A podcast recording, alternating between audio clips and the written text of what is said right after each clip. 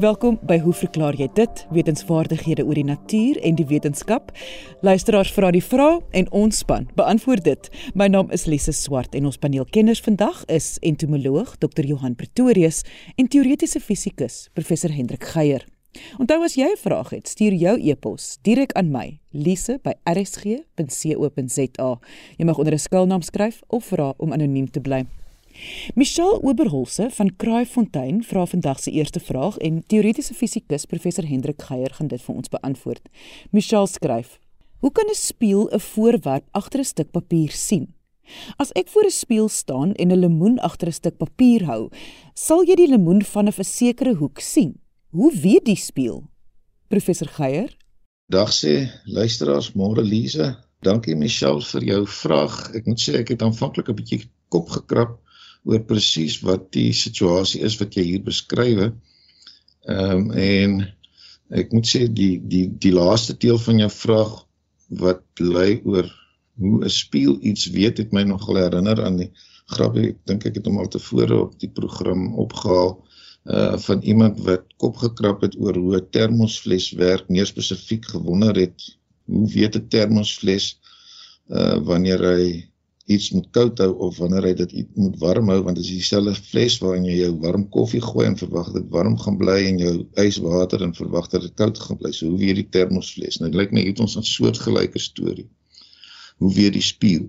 Ehm um, ek het so 'n bietjie kop gekrap soos ek gesê het oor waar hierdie vraag vandaan sou kom totdat ek agtergekom het dat dit 'n vraag is wat nou op een van hierdie sosiale media platforms 'n ding wat jou uh, aan die werking van 'n staanoorlosie herinner uh onlangs 'n bietjie van 'n opskudding veroorsaak het. So 'n paar maande gelede het iemand nou hierdie situasie geskets en die woordkeuse uh hoe weet die spieël het nou natuurlik mense op hol gehad want dit suggereer dat 'n spieël een of ander misterieuse kwaliteit het wat dalk uh om toelaat om reg deur 'n stuk papier of 'n ander versperring te sien. Nou dit is natuurlik uiteindelik nie die toedrag van sake nie, maar hoe verstaan ons nou wat hier aangaan?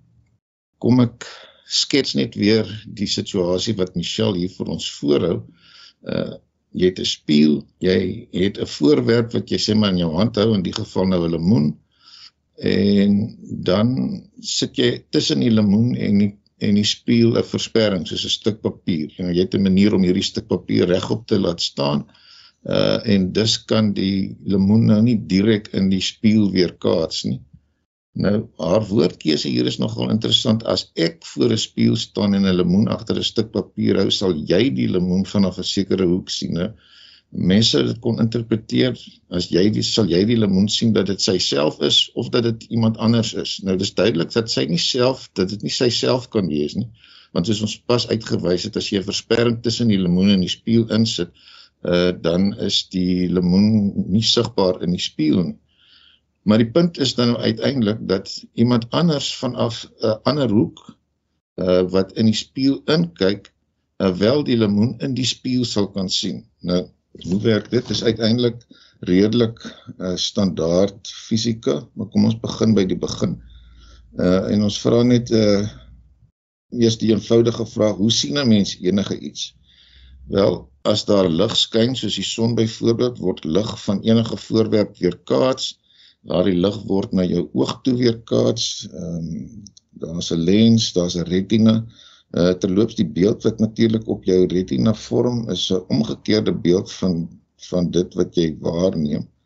Uh want jou jou ooglens is 'n konvekse lens, so 'n lens keer die beeld om van dit wat van die lig uh wat van die voorwerp wat nou sigbaar is deur die lens uh, gaan en dikwels sien 'n mens terloops dat die beeld nou in jou brein omgekeer word. Nou, ek dink nie dit is letterlik die toedrag van sake nie. Dit is uh, meer 'n geval van sein impulse wat as dit ware vuur en die beeld enkodeer op so 'n manier dat jou brein uh die reg op beeld waarneem. So daar's nie plek in die brein waar waar hierdie beeld letterlik omgedop word nie. Hoe ook al as ons nou op die tema voortborduur, as jy nou 'n voorwerp voor 'n spieël hou waarop daar lig inval, uh daglig, gloeilamplig, enige lig, dan word daar van hierdie voorwerp af lig weerkaats onder andere na die spieël toe. En nou kan 'n mens vir jouself die die analise maklik maak as jy in terme van 'n sogenaamde strale diagram dink. Nou wat is 'n strale diagram? Eenvoudig vat jy elke punt op die voorwerp wat nou onder bespreking is en jy trek van daai voorwerp af 'n reguit lyn na die spieël toe en nou analiseer jy wat daar gebeur. Nou wat ons weet van van 'n spieël, die weerkaatsing van 'n spieël werk so dat die sogenaamde invalshoek en die weerkaatsingshoek presies dieselfde is. Nou as 'n mens daar waar hierdie straal wat jy nou teken en die spieël uiteindelik tref, 'n loodlyn op die spieël visualiseer, dan is die invalshoek die hoek tussen die straal en die loodlyn. Mens sou ook die hoek tussen die straal en die spieël kon gebruik vir hierdie beskrywing, maar op die ou einde is dit om dit ewe of jy nou hierdie tradisionele invalshoek gebruik en die weerkaatsingshoek wat nou weer die hoek tussen die weerkaatste straal en die uh, loodregte lyn op die spieël is analiseer. En wat ons nou weet is dat daardie twee hoeke is presies dieselfde. Nou stel jy jou voor jy hou jou oog in die rigting waar die weerkaatste straal heen gaan En jy sien natuurlik nou die inligting wat oorspronklik van die voorwerp af gekom het. Maar dit lyk nou of dit aan die agterkant van die spieël is en jou jou brein interpreteer natuurlik die posisie van hierdie voorwerp as een waarvan wat kom van 'n rigting waarin hierdie weerkaatse straal nou geweerkaats is. Uh verder is dit dan nou nie moeilik om te wys dat die voorwerp voor die spieël of eintlik moet ek andersom begin sê die virtuele voorwerp agter die spieël sit net so ver agter die spieël as wat die werklike voorwerp voor die spieël sit nie. So die strale diagram help jou nou om te sien wat van elke ligstraal wat van die voorwerp af na die spieël toe gaan, wat met hom gebeur.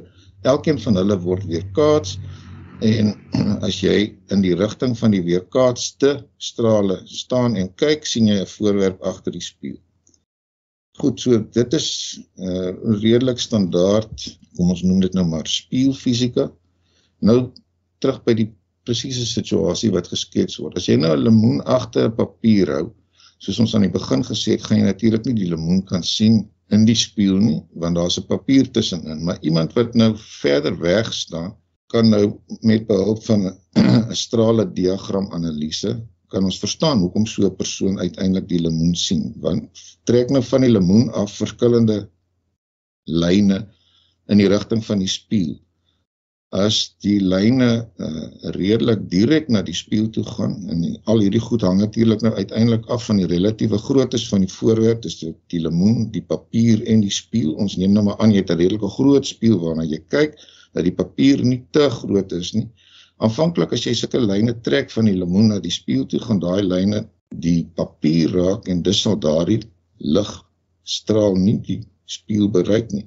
Maar as jy nou al hoe platter en platter en platter as dit ware strale begin trek, uiteindelik een wat net mooi by die kant van die papier verbygaan, dan gaan daai straal uiteindelik die spieël tref en natuurlik weer kaats word op dieselfde manier as wat ons pas beskryf het, met ander woorde die weerkasingshoek gaan dieselfde as die invalshoek wees.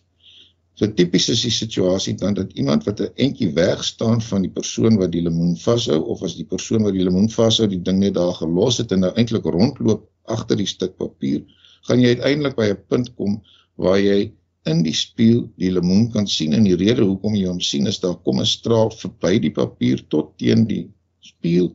Dit word weerkaats en jy kan aan ander woorde die lemoen agter in die spieël sien. Nou afhangende van hoe naby hierdie lemoen aan die papier is, kan jy of die hele lemoen of net 'n stukkie van die lemoen sien want as hy teen die papier sit, is dit duidelik dat daar 'n stuk van die lemoen is waar geen straal wat jy teken by die kant van die papier verby gaan kom en uiteindelik die spieël kan tref nie. So op die ou einde is dit nie 'n kwessie van die spieël wat iets weet nie, dis net 'n kwessie van presiese punt van waarneming waar jy wegstaan van die voorwerp en met 'n hoek kyk wat verby die papier uh waar die straal wat weerkaats word een is wat verby die papier gegaan het tot by die spieël en dan uiteindelik teruggekaats word. So uh met dit alles gesê Lize, dink ek uh, is is die opskudding wat veroorsaak is deur hierdie vraag te stel as iets wat nou met die kennis van die spieël te maak het hopelik opgeklaar. Maar kom ek sluit die storie af deur net vinnig weer te verwys na 'n standaard vraag wat mense dikwels teekom. As jy nou in die spieël kyk, is jy bewus daarvan dat dit lyk of die spieël links en regs omkeer. Uh dis maklik om te kontroleer as jy jou regterhand ophou teen die spieël, dan sien jy daar in die spieël 'n handpalm en jy kan dit nou vergelyk met jou linkerhand as jy hom nou so hou dat jy na sy palm kyk en jy kyk na die beeld van jou regterhand in die spieël dan sê jy sien jy sien presies dieselfde ding. So dit lyk asof die spieël links en regs omgekeer het. Nou dit is nie dit is nie die korrekte manier om dit te beskryf nie. Dit is eintlik voor en agter wat omgekeer het. Want anders sit jy met die dilemma wat opgesluit is in die vraag hoekom sou 'n spieël dan links en regs omkeer en nie bo en onder nie. Nou om die saak nou nog verder te vertroebel, hier's nou 'n eksperiment wat mense by die huis kan gaan doen. As jy nou 'n spieël het met 'n reguit kant en jy staan voor jou badkamer spieël en jy hou die reg reguit kant van die los spieël teen die badkamer spieël uh, met 'n 90 grade hoek en jy hou nou jou hand voor op so 'n manier dat die weerkaatsing in daai hoek plaasvind, dan sien jy sien links en regs dit nou nie omgekeer nie. En wat erger is as jy hierdie los spieël horisontaal hou en loodreg op jou badkamer speel en jy kyk daar in die hoek in, sal jy verbaas wees om te sien dat die gesig wat vir jou terugkyk onderste bo is. So dit is iets waaroor mense so 'n bietjie kan kopkrap oor hoekom dit die toedrag van sake is. So speels is fascinerende goed, maar hulle het nie kennis van wat aangaan nie. Hulle reageer maar net deur die gewone weerkaatsingswette te gehoorsaam, naamlik invalshoek van 'n ligstraal en weerkaatsingshoek is presies dieselfde. En dit was teoretiese fisikus professor Hendrik Geier. Indien jy 'n vraag het, stuur jou e-pos direk na my, lise@rsg.co.za of jy kan ook deur RSG se webwerf gaan www.rsg.co.za. Jy luister na Hoe verklaar jy dit? My naam is Lise Swart en my gaste vandag is entomoloog Dr. Johan Pretorius en teoretiese fisikus professor Hendrik Geier. Pieter van der Westhuizen van die Oos-Kaap het 'n vraag wat entomoloog Dr. Johan Pretorius gaan beantwoord. Pieter vra: Hoekom is daar spesifieke malaria areas? Bly die muskiete net daar en brei nooit uit nie? Indien dit sou gebeur dat muskiete wat malaria dra die wêreld sou oorneem, wat sal van ons word? Sou dit kon gebeur? Dr. Pretorius? Dag Elise, kollegas en luisteraars. Pieter, mens moet in gedagte hou dat malaria deur 'n parasitiese mikroorganisme veroorsaak word, nie deur die malaria muskiet self nie. Die muskietvektor of draer is natuurlik 'n baie belangrike deel van hierdie proses omdat die malaria parasiet 'n gedeelte van sy lewensiklus in die muskiet moet voltooi voordat dit 'n infektiewe stadium bereik wat oorgedra kan word na 'n menslike gasheer. En dan is die parasiet ook nog afhanklik van die muskietvektor om na geskikte gasheer versprei te word. En hier praat ons van 'n biologiese vektor omdat die enigste natuurlike roete van die patogeen vanaf een gasheer na ander slegs deur die insekvektor kan plaasvind. Die malaria parasiet ontwikkel dan verder in die menslike gasheer totdat 'n stadium bereik word waar dit weer deur 'n muskiet opgeneem kan word tydens voeding. So in die afwesigheid van die parasiet met ander woorde daar is nie geïnfekteerde menslike gasheere nie. Daar is dis nie 'n bron van parasiete nie. Kan dit eenvoudig nie versprei word nie. Dit alles kom daarop neer dat die blote teenwoordigheid van 'n bevoegde malaria muskiet vektor, daardie muskiete met ander woorde wat malaria kan versprei, nie noodwendig beteken dat daar malaria sal voorkom nie. Drie organismes is nodig om die malaria siklus aan die gang te hou. Die patogeen, dis nou die siekte veroorsakende parasiet, die insekvektor en die menslike gasheer. Nou net vir 'n bietjie agtergrond lees. Malaria word veroorsaak deur enkelsellige organismes of protozoë in die genus Plasmodium. En daar is 5 spesies in hierdie genus wat malaria by mense kan veroorsaak waarvan Plasmodium falciparum en Plasmodium vivax seker die gevaarlikste is. Plasmodium falciparum is die volopste en dodelikste malaria parasiet spesies in Afrika. Terwyl Plasmodium vivax weer die dominante spesies in streke buite Sub-Sahara Afrika is. En malaria is seker die belangrikste insekgedraagde patogeen in terme van die aantal gevalle, ehm um, sterftes en sy ekonomiese impak. Net om 'n idee te gee, volgens die Wêreldgesondheidsorganisasie was daar 247 miljoen kliniese gevalle van malaria wêreldwyd in 2021 met oor die 600 000 sterftes in dieselfde jaar. En Lise, dit gaan vir al die goed in Afrika nie. Gedurende hierdie selfde jaar is 95% van alle malaria gevalle wêreldwyd en 96% van alle sterftes op die kontinent aangemeld.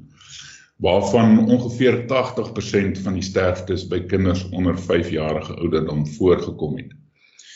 En die enigste draers of vektore van die malaria parasiet na die mens is wyfie muskiete in die genus Anopheles, want net wyfie muskiete voed op bloed. Nou heidaglik is daar oor die 500 verskillende soorte of spesies muskiete in die genus Anopheles, waarvan omtrent 30 tot 40 van hierdie spesies, dis so omtrent 6 tot 8% die vermoë het om Plasmodium na die mens oor te dra. En van hierdie Anopheles spesies is onmoontlik om vir mekaar te onderskei deur slegs na hul eksterne voorkoms te kyk. En daar is dus hierdie kompleks van spesies wat almal uiterlik dieselfde lyk, maar wat kan verskil in hul ekologie soos byvoorbeeld bytgewoontes en gasheervoorkeure ehm um, of in hul voorkeur vir spesifieke broeihabitatte.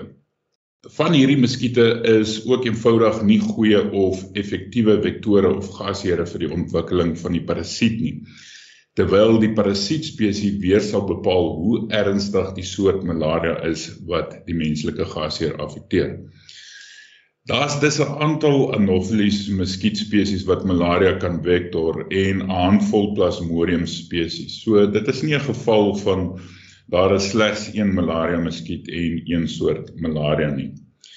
En die parasiet het 'n komplekse lewensiklus in beide die muskietvektor en die menslike gasheer met hoë koors by mense wat 'n tipiese simptoom van infeksie is. Nou, hoekom is daar spesifieke malaria gebiede? As mens na die huidige globale verspreiding van hierdie siekte kyk op 'n kaart, sal jy sien dat dit meestal rondom die ewenaar en tropiese en subtropiese gebiede gekonsentreer is. Nou Pieter, die verspreiding van malaria in beide tyd en ruimte, as ook die effektiwiteit van parasietoordrag na die mens, word beperk deur temperatuurvereistes vir die parasiet se ontwikkeling in hul poikilotermiese muskietvektore. Dis nou organismes wat se liggaamstemperatuur met die van hul omgewing varieer soos by insekte. En nie net dit nie, ehm um, ander faktore soos die gedrag, ekologie, vektorbevoegdheid en blote populasiedigthede van die verskillende Anopheles vektore bepaal ook die grense van hierdie gebiede.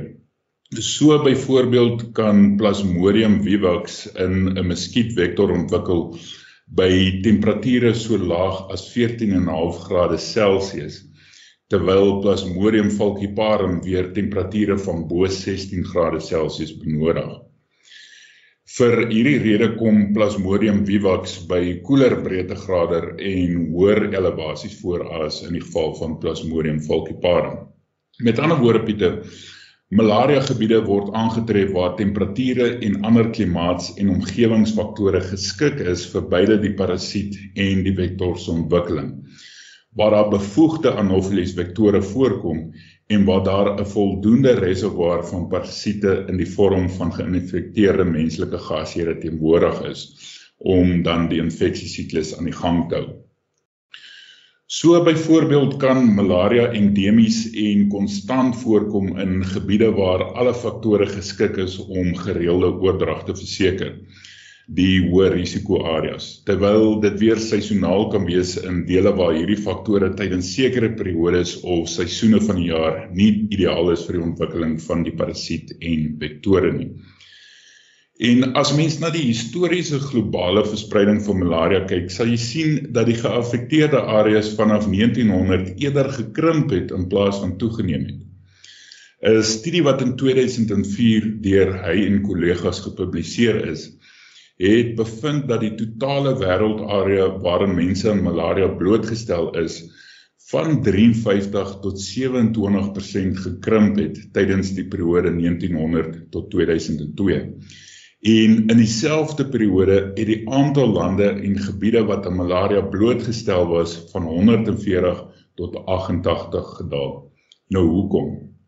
Dit is as gevolg van menslike intreding om malaria te bekamp en selfs te probeer uitroei. Byvoorbeeld die muskietvektore is en word steeds met insekdoders geteken, hoewel daar probleme met weerstandbiedendheid ontwikkel het in later jare.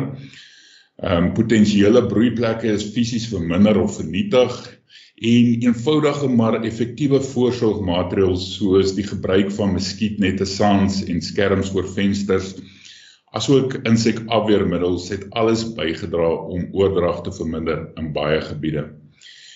En voeg daarbey die geweldige mediese vordering wat gemaak is in die bestryding van hierdie siekte by mense met behulp van medikasie asook voorkomende maatreëls soos inentings en antimalaria medikasie om die voorkoms van die siekte te verlaag en uit te roei.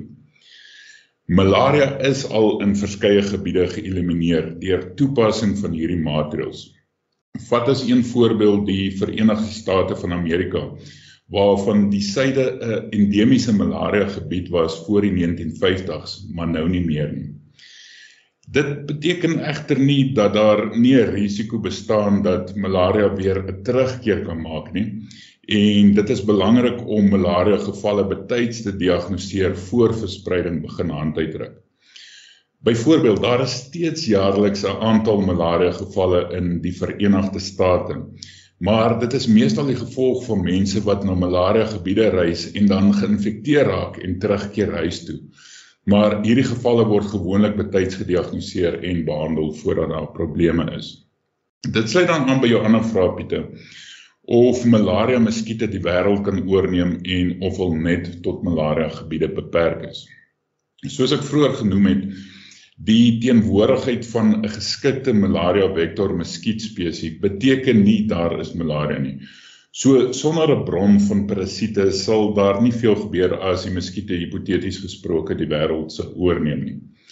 En daar is inderdaad bevoegde anopheles vektore buite hierdie malaria gebiede.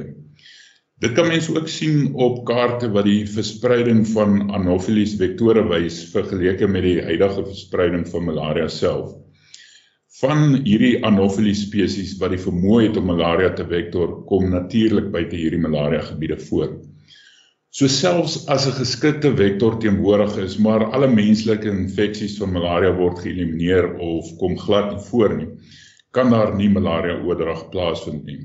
Onthou, die malaria parasiet benodig die muskiet as deel van sy lewensiklus, maar die muskiet kom ewig goed oor die weg in die afwesigheid van die parasiet. Lisa om terug te kom na die verslag van die Wêreldgesondheidsorganisasie. Volgens hierdie verslag is amper die helfte van die menslike bevolking alreeds in gevaar om malaria op te doen as gevolg van hoë bevolkingsdigthede en aanwas in tropiese en subtropiese gebiede wat dan ook grootendeels ooreenstem met die voorkoms van hierdie siekte. So Pieter, ek sal nie bekommerd wees oor 'n scenario waar malaria vektore die wêreld oorneem nie.